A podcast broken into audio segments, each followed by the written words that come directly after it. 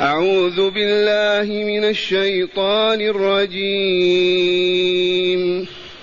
فإذا انسلخ الأشهر الحرم فاقتلوا المشركين حيث وجدتموهم وخذوهم واحصروهم واقعدوا لهم كل مرصد فإن تابوا وأقاموا الصلاة وآتوا الزكاة فخلوا سبيلهم إن الله غفور رحيم.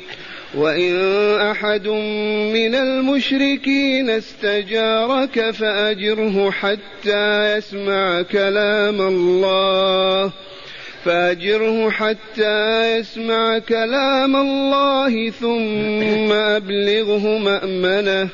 ذلك بأنهم قوم لا يعلمون. كيف يكون للمشركين عهد عند الله وعند رسوله؟ إلا الذين عاهدتم عند المسجد الحرام. فما استقاموا لكم فاستقيموا لهم إن الله يحب المتقين.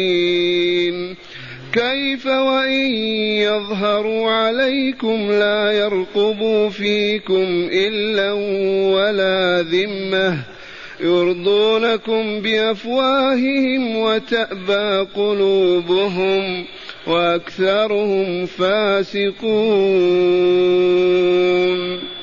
معاشر المستمعين والمستمعات من المؤمنين والمؤمنات أعيد إلى أذهانكم أنه قبيل وفاة الرسول صلى الله عليه وسلم بسنه أو أقل أو أكثر. أنزل الله تبارك وتعالى براءته لتلقى على مسامع الناس في يوم الحج الأكبر. وقد عرفنا منها أن الله تبرأ ورسوله من المشركين. براءة من الله ورسوله إلى الذين عاهدتم من المشركين. وأمرهم أن يسيحوا في الأرض شرقا أو غربا شمالا أو جنوبا.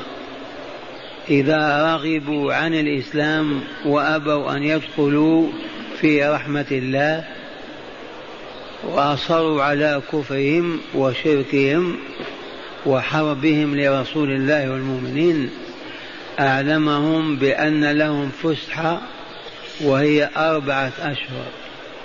لهم أن يذهبوا شمالا إلى المجوس أو شمالا إلى الروم شرقا إلى المجوس جنوبا إلى الأحباش. ومن يتخلف منهم غير مسلم فجزاؤه القتل. أراد الله أن يطهر هذه الأرض من الشرك والكفر لتكون قبة الإسلام وبيضته. وقال لا يجتمع دينان في الجزيرة. والمدة قربت والأيام توالت وقصرت فلا بد من هذا الإعلان. فأعطاهم مدة أربعة أشهر يفكرون فيها ويتأملون فإن رأوا الدخول في الإسلام فذلك خير لهم. وإن رأوا الهرب من الإسلام وأهله ودياره فليهربوا. بعد أربعة أشهر ما لقينا مشركا إلا قتلناه إلا أن يعلن عن إسلامه ويدخل في رحمة الله. فقال تعالى فإذا انسلخ الأشهر الحرم فاقتلوا المشركين حيث وجدتموهم. ما المراد من الأشهر الحرم؟ هي الأشهر التي أعطاهم رسول الله صلى الله عليه وسلم. ليس المراد منها القعدة والحج ومحرم ثم رجب. تلك أشهر حرم وهذه أشهر حرم الله بقاء المشركين بها. وأوجب قتالهم على رسوله والمؤمنين. الحرم التي جعلها الله حرمة للمشركين يفكرون فيها ويتأملون. إما أن يدخلوا في الإسلام أو يخرجوا من ديار الإسلام. فإذا انسلخ الأشهر الأربعة الحرم فما هو واجب رسول الله والمؤمنين؟ فاقتلوا المشركين. فاقتلوا المشركين حيث وجدتموهم حتى ولو كان في داخل الحرم. وإن أبى أبو حنيفة هذا. وقال من لاذ بالحرام لا يقتل. والصحيح ما عليه جمهور الأمة والأصحاب. حيث وجد ولو تعلق بإصدار الكعبة. فاقتلوا المشركين حيث وجدتموهم. وخذوهم. والأخذ باليد للأسر. ثم بعد الأسر إما الفداء وإما القتل وإما الدخول في الإسلام. واحصروهم. سدوا الطرق عليهم والمنافذ وضيقوا عليهم السبل علهم يرجعون إلى رشدهم وصوابهم ويدخلون في الإسلام ولا يصرون على الشرك والكفر والعناد. واقعدوا لهم كل مرصد والمرصد مكان الرصد الذي ينتظر فيه الإنسان أخاه أو عدوه. المراصد الأماكن التي ترصدونهم فيها. الطرق التي يسلكونها اجلسوا فيها وارصدوهم فيها واقعدوا لهم كل مرصد. تضييقا عليهم حتى يسلموا أو يخرجوا من الديار. فإذا انسلخ الأشهر الحرم الأربعة التي أعطيتموهم إياها ليست هي الأشهر الحرم المعروفة في القرآن. بل هذه التي جعلها الله مدة لهم. من كان له عهد بلا حد الأربع أشهر كافية. من كان له أقل من الأربع أشهر الأربع أشهر كافية. إلا من كان له وعد أكثر من أربع أشهر محدد فهذا نوفي له بعهده. أما الذين عهودهم أو معاهدتهم دون الأربع أشهر أو أكثر ولكن ليست محددة بسنة أو بشهر معين فإذا انسلخ الأشهر الحرم المشركين حيث وجدتموهم وخذوهم واحصروهم واقعدوا لهم كل مرصد. فإن تابوا وأقاموا الصلاة وآتوا الزكاة فخلوا سبيلهم. من المتكلم؟ الله جل جلاله. هو الآمر وهو الناهي. هو المشرع وهو المعلم. والرسول والمؤمنون ينفذون. فالله يخاطب رسوله والمؤمنين بهذه المهمة التي ألزمهم بها. فيقول لهم فإن تابوا عن الشرك والكفر وحرب الإسلام وآله وأقاموا الصلاة وآتوا الزكاة فخلوا سبيلهم. اتركوهم في ديارهم وأموالهم. وهنا اذكروا أن إقام الصلاة وإيتاء الزكاة من الإيمان والإسلام. من لم يصلي ولم يزكي ما هو بمؤمن؟ بهذا النص. والرسول يقول أمرت أن أقاتل الناس حتى يشهدوا أن لا إله إلا الله وأن محمدا رسول الله ويقيموا الصلاة ويؤتوا الزكاة. فإذا فعلوا ذلك عصموا مني دماءهم وأموالهم إلا بحقها وحسابهم على الله. وأبو بكر قال والله لأقاتلن من فرق بين الصلاة والزكاة فما فيه من يفرق أبدا بحق. الصلاة أخت الزكاة مرتبطة بها في آية القرآن كله أقيموا الصلاة وآتوا الزكاة. فمن تركهما أو أحدهما فقد كفر. والآية شاهد واضح. فإن تابوا عن الشرك والكفر ودخلوا في الإسلام أولا بشهادة لا إله إلا الله وأن محمد رسول الله. ثم بعد ذلك أقاموا الصلاة وآتوا الزكاة حينئذ اتركوهم أحرارا في بلادهم. مرة ثانية هذا يدل على عظم شأن الصلاة والزكاة. ولهذا الإمام المالك رحمه الله وتلميذه الشافعي وتلميذه الشافعي أحمد من الأئمة الثلاثة على أن تارك الصلاة يؤخر فقط إلى قدر ما يصلي ركعة قبل غروب الشمس فإن صلى وإلا أعدم. يؤخذ تارك الصلاة إلى السجن. فإذا جاء وقت الظهر صلي قال ما نصلي يترك جاء وقت العصر صلي قال ما أصلي.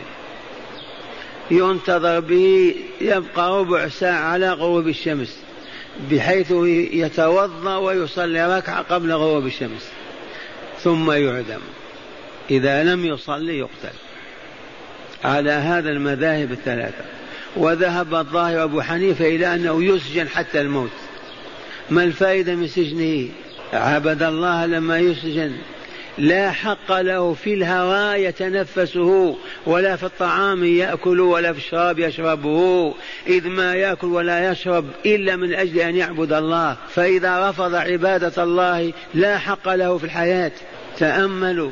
وما خلقت الجن والإنس إلا ليعبدوني. هذه العبادة أعظمها أظهرها الصلاة لأنها لقاء مع الله خمس مرات في الأربع وعشرين ساعة.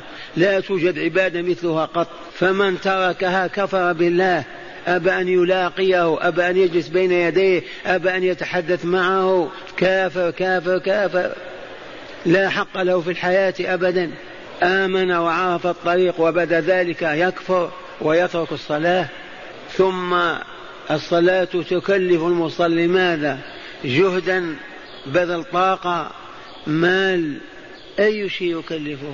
فقط أن يتصل بربه ويجلس بين يديه يتكلم معه يدعوه ويسأله. يرفض هذا والله ما هو بمؤمن.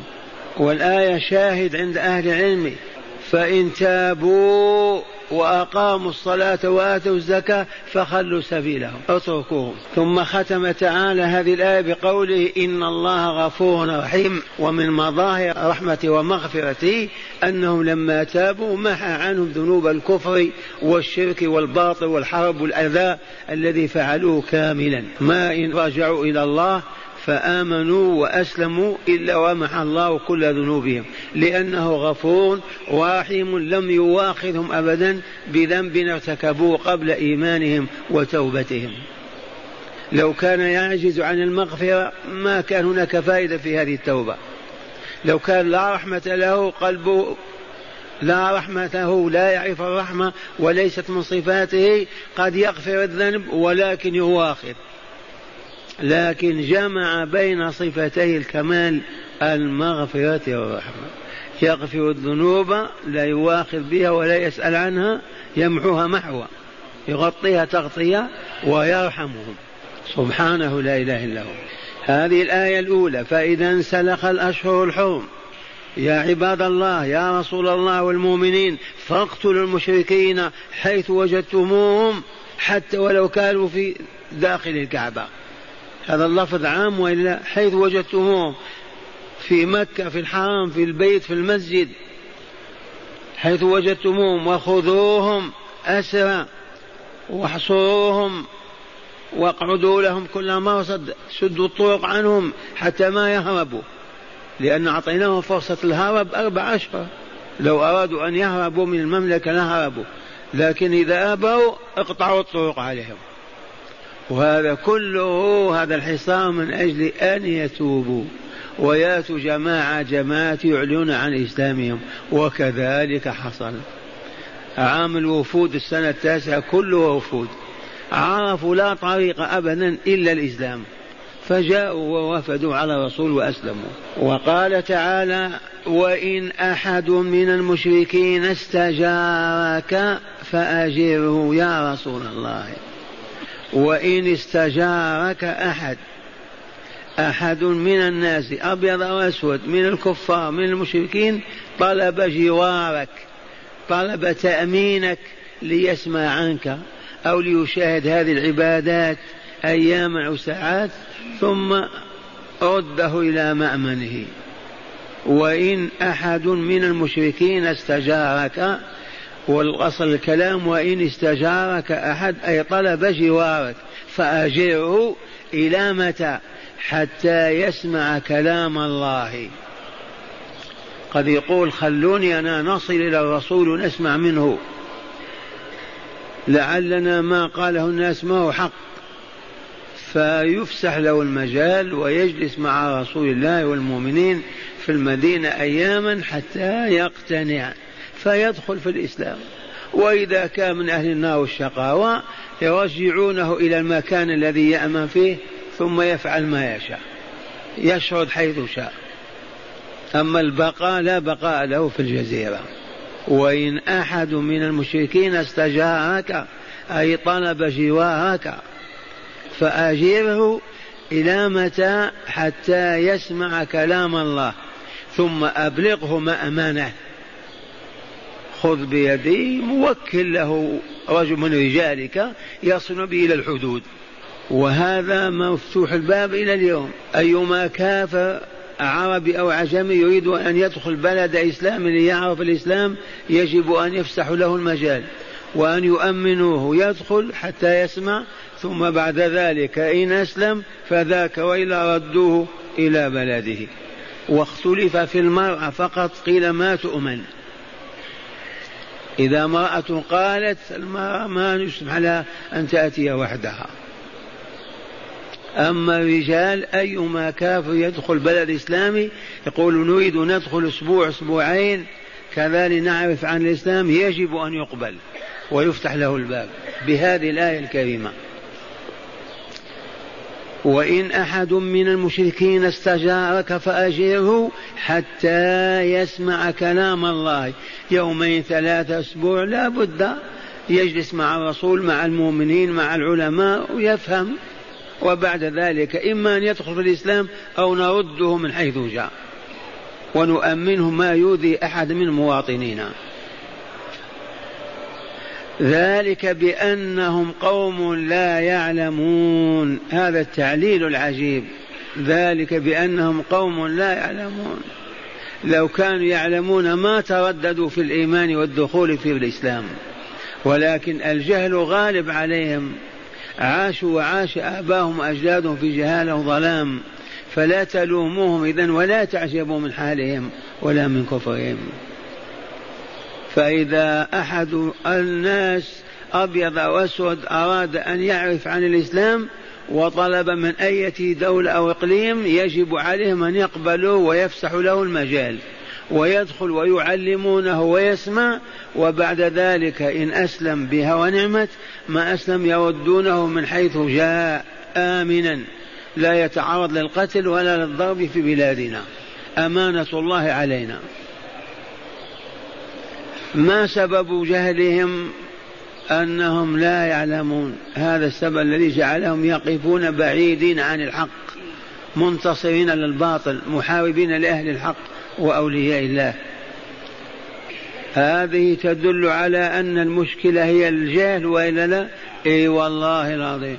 اسمعوا لا يوجد فسق ولا فجور ولا ظلم ولا كفر ولا شرك ولا خبث ولا والله لعلته الجهل.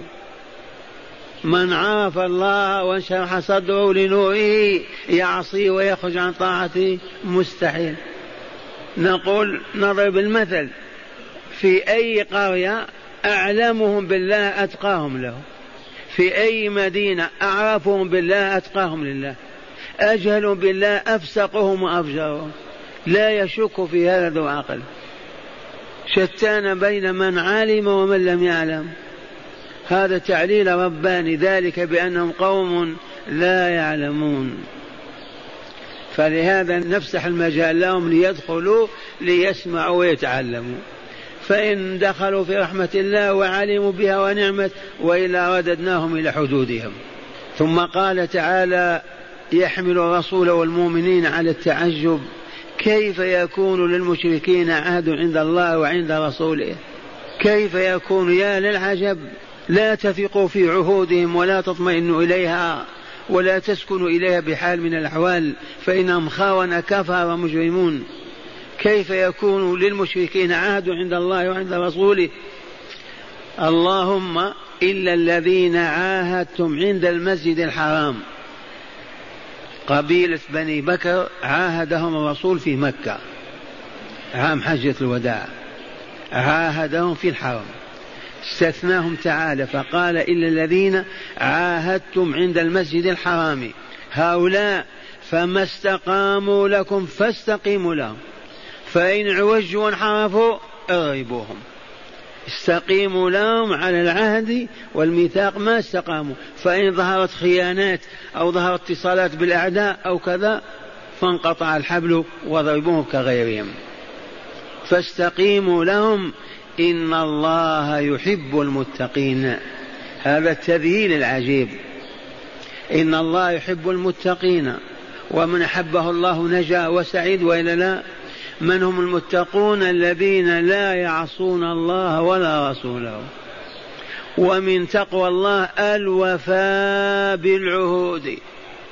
من عاهد مؤمنا أو كافرا برا أو فاجرا يجب أن يفي بعهده. فإن خان العهد ما اتقى الله عز وجل لأن الله حرم الخيانة. ومن وفى يحب الله الموفون بعهودهم. قال تعالى حاملا الرسول والمؤمنين على التعجب كيف يكون المشركين عهد عند الله وعند رسوله؟ من أين لهم؟ وقلوبهم مظلمة منتنة عافنة ما عرفوا الله عز وجل. ثم استثنى الذين عاهدهم الرسول من بني بكر في الحرم. هؤلاء أعطوهم الفترة التي عاهدتهم عليها عام عامين ثلاثة إلى مدتها. فإنهم خانوا أو اضربوهم فإن استقاموا فاستقيموا أنتم لهم. بالوفاء الكامل. لا حرب ولا قتال ولا مناهزة ولا مضاربة. ثم قال تعالى إن الله يحب من؟ المتقين. إذا عاهدت يهوديا نصرانيا مشركا كافرا فاسقا أي شخص عاهدته يجب أن توفي بعهدك. وليس من حق المؤمن أن يخون أبدا ولو كان المعاهد من شر الخلق كهؤلاء. إن الله يحب المتقين. تكرر هذا اللفظ. من هم المتقون؟ قولوا اسمعوا وبلغوا. المتقون هم الذين علموا عرفوا محاب الله في الاعتقاد والقول والعمل والصفة والذات. عرفوا محاب الله وفعلوها له. وعرفوا مكاره الله أي ما يكره الله تعالى من الاعتقادات والأقوال والأعمال والصفات. فتركوها وكرهوها. أولئك والله هم المتقون. أولئك هم المتقون. الذين اتقوا سخط الله وعذابه. فنجوا منه وما بعد ذلك إلا الجوار الكريم في مواكب النبيين والصديقين والشهداء والصالحين وحسن أولئك رفيقا. من هم أولياء الله يرحمكم الله؟ سيدي عبد القادر الجيلاني أبو كذا. سبحان الله. أعيد القول لوجود زوار غرباء عنا ما بلغهم النور. مضت فترة لو تدخل بغدانا أو بغداد أو القاهرة المعزية أو دمشق أو مراكش أو قلب الأندلس وتقول لمن تلقاه في أول مرة في الطريق يا أخي أنا جئت لأزور ولي من أولياء الله في هذه البلاد. فدلني على ولي من أولياء الله. والله ما يقوده إلا إلى ضريح. ولا يعرف أن وليا بين الناس يمشي. ما يقوده إلا إلى قبر ضريح عليه قبة وعليه التابوت والأزور الحريرية. فهمتم هذه الكلمة ولا لا؟ أو ما فهمتم؟ مضت فترة قبل خمسين سنة فقط. لو تدخل مدينة القاهرة وتلقى أول رجل في الشارع قل أنا جئت من بلاد بعيدة أريد أن أزور وليا من أولياء هذه البلاد. ما يفهم أن وليا في السوق ولا في المسجد ولا في بيته. إلا قبر يقودك إليه. تصدقون أو تردون من حصر الولاية في الأموات؟ ما عندكم أعداء. ما عندكم الله يقول الكافرين وإلا لا. يوثق فيهم يطمئن إليهم بحال من الأحوال. الكافرون فعلوا هذه الفعلة بين المسلمين. حصروا الولاية في الأموات وتركوا الأحياء بدون ولاية أي شياطين. ومن ذلك يزني المسلم بمرة المسلم. والله ليزنون ويسرق المسلم مال المسلم ويقتل المسلم أخاه المسلم. صح وإلا لا؟ لو كان يعرف أنه ولي الله ما يفتح عينيه فيه. ولا يسبه بسبة ولا يشتم بشتمة. فسلبوا الولاية الحق ووضعوها في الأموات وتركوا الأمة كلها أعداء يفجر بعضهم ببعض ويقتل بعضهم بعضا. لأننا عرفنا أنك ما تسب ولي من الأولياء. قلت لكم سمعت بأذني من يقول فلان كان إذا زنى ما يمر بالطريق الفلاني لأن فيه ولي الله فلان. قبر من الطريق يستحي أن يمر بقبر ولي وهو زاني. وهو يزني بامرأة مؤمن ومؤمن. عرفتم هذه ولا لا؟ لماذا حصروا الولاية في الأموات؟ من أجل أن يأكل الناس بعضهم بعضا. الزنا الفجور السرقة الخيانة الكذب خلف الوعظ عام إلا القلائل الذين حفظهم الله عز وجل. ما عرفوا أنهم أولياء الله. فلهذا ألا إن أولياء الله لا خوف عليهم ولا هم يحزنون. من هم يا ربي؟ الذين آمنوا وكانوا يتقون. إيمان وتقوى فقط. إيمان وعلم. إذ ما اتقوا حتى علموا. فاعلم أنه لا إله إلا الله. أولا العلم. فإذا ما علمت محاب الله وأحببتها وما كاره الله وكرهتها تحققت لك ولاية الله وأصبحت ولي الله. لو سألته عن جبل يزيله لأزاله قال تعالى في الآية الأخيرة كيف كيف؟ وإن يظهر عليكم لا يرقبوا فيكم إلا ولا ذمة. كيف ترضون بالكافرين؟ كيف تسمحون لهم بأن ينصحوكم ويبينوا لكم. يا شيخ هذه حال المسلمين اليوم من قرون. الكفار هم الذين يوجهون ويرشدون. الله يقول يا للعجب كيف؟ وإن يظهر عليكم وينتصر عليكم لا يرقب فيكم إلا لا قرابة ولا ذمة ولا عهد أبدا. يرضونكم بأفواههم. وتأبى قلوبهم وأكثرهم فاسقون. ونعم كل كافر فاسق. إلا أن بعض الكفار أكثر فسقا الذين يتعاطون المناكير والأباطيل والوقاحة والقبح الشديد. وإلا كل كافر فاسق عن طاعة الله.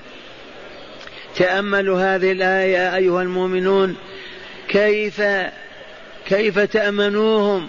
كيف تثقوا فيهم؟ كيف تطمئن نفوسكم إلى أقوالهم؟ كيف وإن يظهر عليكم وينتصروا لا يرقبوا فيكم إلا ولا ذمة. لا الله ولا عهد الله ولا ميثاق ولا ذمة ولا قرابة. يرضونكم فقط بأفواههم. ما معنى الإرضاء بالفهم؟ بالفهم يقول نحن معاكم وكذا ونود لكم ونحب لكم وننصح لكم وهكذا. يرضونكم بأفواههم وتأبى قلوبهم. قلوبهم لا تريد أن ترى مسلما على الأرض. لا تريد أن ترى مؤمنا طاهرا يعيش في الأرض. يريدون أن تكون الدنيا كلها على حالهم من الكفر والشر والفساد. وأكثرهم فاسقون. وقل من لم يتجاهر بالفسق بينهم والظلم والشر والفساد. هذا كلام من هذا؟ كلام الله. من المسؤول عن فهمه وقراءته ودراسته؟ اليهود من النصارى. أليس المسلمين؟ لماذا ما يجتمعون عليه هكذا كل ليلة؟ ما المانع؟ وختام القول لن نعود إلى سيادتنا وقيادتنا وكمالنا وطهرنا وصفائنا وإلى تحقيق ولاية ربنا لنا إلا إذا عدنا إلى الكتاب والسنة.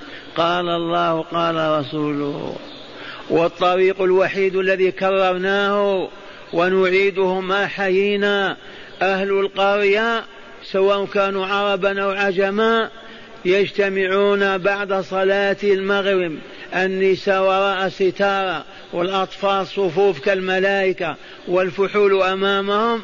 بعد صلاة المغرب يجلس لهم عالم بالكتاب والسنة. ليلة آية من كتاب الله وليلة سنة من سنن رسول الله ويصلون العشاء وينصرفون. وهكذا كل ليلة وطول العام أسألكم بالله هل يبقى بينهم جاهل أو جاهلة؟ والله ما يبقى جاهل ولا جاهل. كلهم عرفوا وعلموا. وإذا عرفوا وعلموا يبقى فيهم من يزني بنسائهم. من يفجر بأولادهم من يأكل أموالهم من يلعنهم ويشتمهم من يسطو على أمو... والله ما يبقى. لعلي أنا مجنون. أما قال ربي إنما يخشى الله من عباده العلماء. أهل المدن.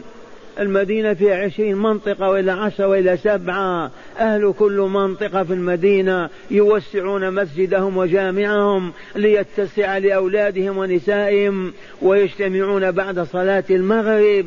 دقت الساعة السادسة وقف العمل وأقبلوا على ربهم يبكون بين يديه يصلون المغرب ثم يجلسون جلوسنا هذا ليل آية من كتاب الله وليل حديث من أحاديث رسول الله والعام بكامله أسألكم بالله هل يبقى جهل؟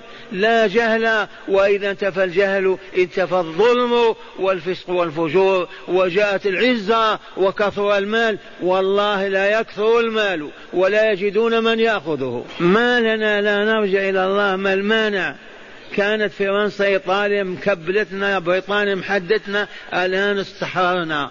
استقللنا. ما المانع؟ مع أن الذين نقتدي بهم الكفار إذا دقت الساعة السادسة وقف العمل وذهبوا إلى دور السينما والملاهي والملاعب.